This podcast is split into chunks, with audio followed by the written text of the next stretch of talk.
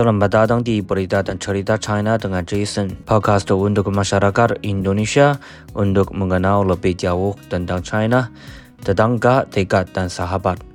Berita utama hari ini termasuk China akan lakukan pemeriksaan kondisi pembangunan kota. Jalur kereta China Laos catat lebih dari 100,000 penumpang lintas perbatasan.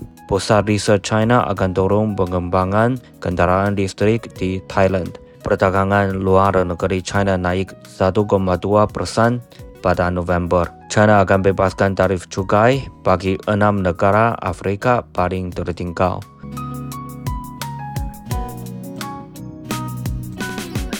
China akan lakukan pemeriksaan kondisi pembangunan kota China akan lakukan kembali pemeriksaan di kota-kota setingkat prefektur ke atas guna mengevaluasi dan meningkatkan lingkungan hidup penduduk kota. Demikian menurut pedoman baru dari Kementerian kampanye ini diharapkan pada membantu mengoptimalkan struktur perkotaan, meningkatkan fungsi perkotaan serta meningkatkan kualitas kehidupan perkotaan.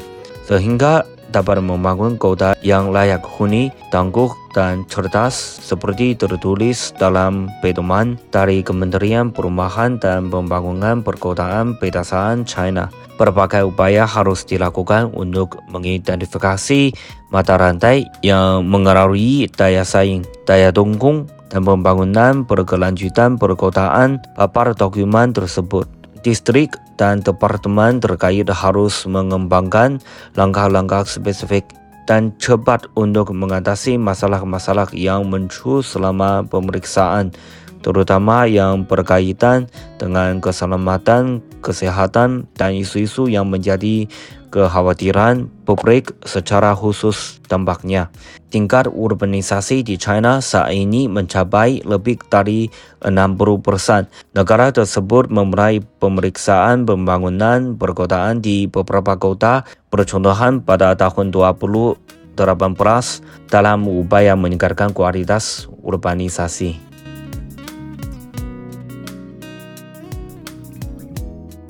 Jalur kereta China Laos catat lebih dari 100,000 penumpang lintas perbatasan. Jalur kereta China Laos yang meluncurkan layanan penumpang internasional pada 13 April telah mengangkut lebih dari 100,000 penumpang lintas perbatasan per Selasa.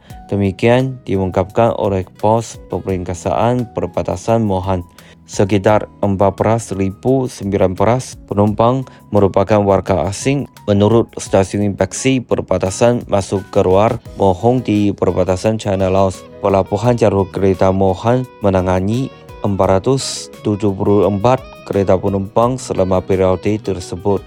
Sejak menuturkan layanan penumpang lintas perbatasan, jalur kereta itu telah menjadi moda transportasi pilihan bagi semakin banyak wisatawan mancanegara karena keterjangkauan, kemudahan dan kenyamanannya. Jalur kereta China Laos sebuah proyek unggulan dalam kerjasama Sabuk dan Jalur Sutra yang berstandar tinggi mulai beroperasi pada Desember tahun 2021 jalur kereta sepanjang 1035 km itu menghubungkan Kunming di China dengan Vientiane di Laos.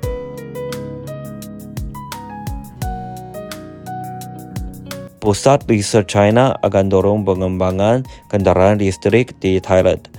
Thailand mengambil langkah signifikan untuk menjadi pusat pengembangan kendaraan listrik regional dengan didirikannya Pusat Riset dan Teknologi Otomotif China, China Automotive Technology and Research Center, CADRC, di Bangkok. Dengan kantor regional Asia Tenggara, CADRC, yang mulai beroperasi di negara kerajaan itu mereka akan fokus pada kerjasama antara Thailand dan China di bidang pengembangan kebijakan, penetapan standar dan sertifikasi EV. Ungkap Natap Hong Raksiptung, Sekretaris Tetap Kementerian Perindustrian Thailand pada Rabu. Kerjasama ini menanti titik awal untuk menyatukan kemampuan dan jaringan industri otomotif modern dari China untuk mengembangkan industri lokal dan infrastruktur Thailand demi mendukung ambisnya sebagai basis produksi kelompok utama enggap tetap Hong dalam sebuah pertanyaan. Sebagai salah satu industri yang ditargetkan, Thailand ingin memperkuat daya negara itu dan mengurangi emisi gas rumah kaca melalui promosi EV-nya. Sejauh ini, 10 produsen mobil telah bergabung dengan inisiatif pemerintah untuk mendukung penggunaan dan produksi EV dengan lebih dari 50,000 pemesanan kendaraan listrik berbasis baterai kata pihak kementerian.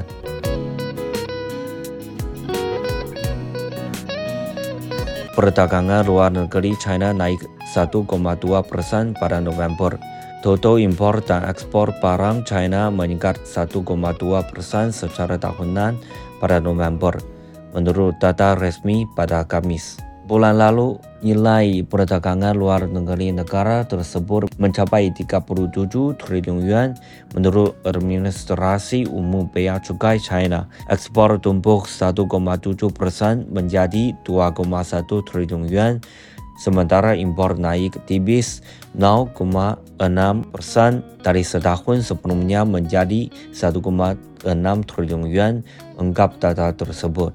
Selama periode Januari sampai November, nilai perdagangan luar negeri China tidak berubah jika dibandingkan dengan nilai yang tercatat setahun sebelumnya, yaitu 37,96 triliun yuan menurut data itu.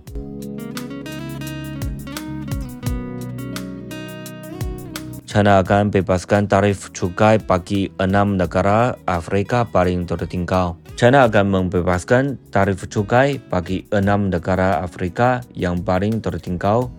Demikian disampaikan Komisi Tarif Bea Cukai Dewan Negara China pada Rabu. Mulai 25 Desember, 98% produk kena pajak dari Angola, Gambia, Republik Demokratik Kongo, Madagaskar, Mali dan Mauritania akan dibebaskan dari tarif cukai saat memasuki China. Lengkap komisi tersebut dalam sebuah pertanyaan. Langkah ini bertujuan untuk mewujudkan semangat persahabatan dan kerjasama China-Afrika serta memfasilitas komunitas China-Afrika yang berkualitas tinggi dengan masa depan bersama, kata komisi tersebut. Pada langkah berikutnya, China akan memperluas pembebasan tarif cukainya ke semua negara paling tertinggal yang telah menjalin hubungan diplomatik dengannya. Lanjut komisi itu.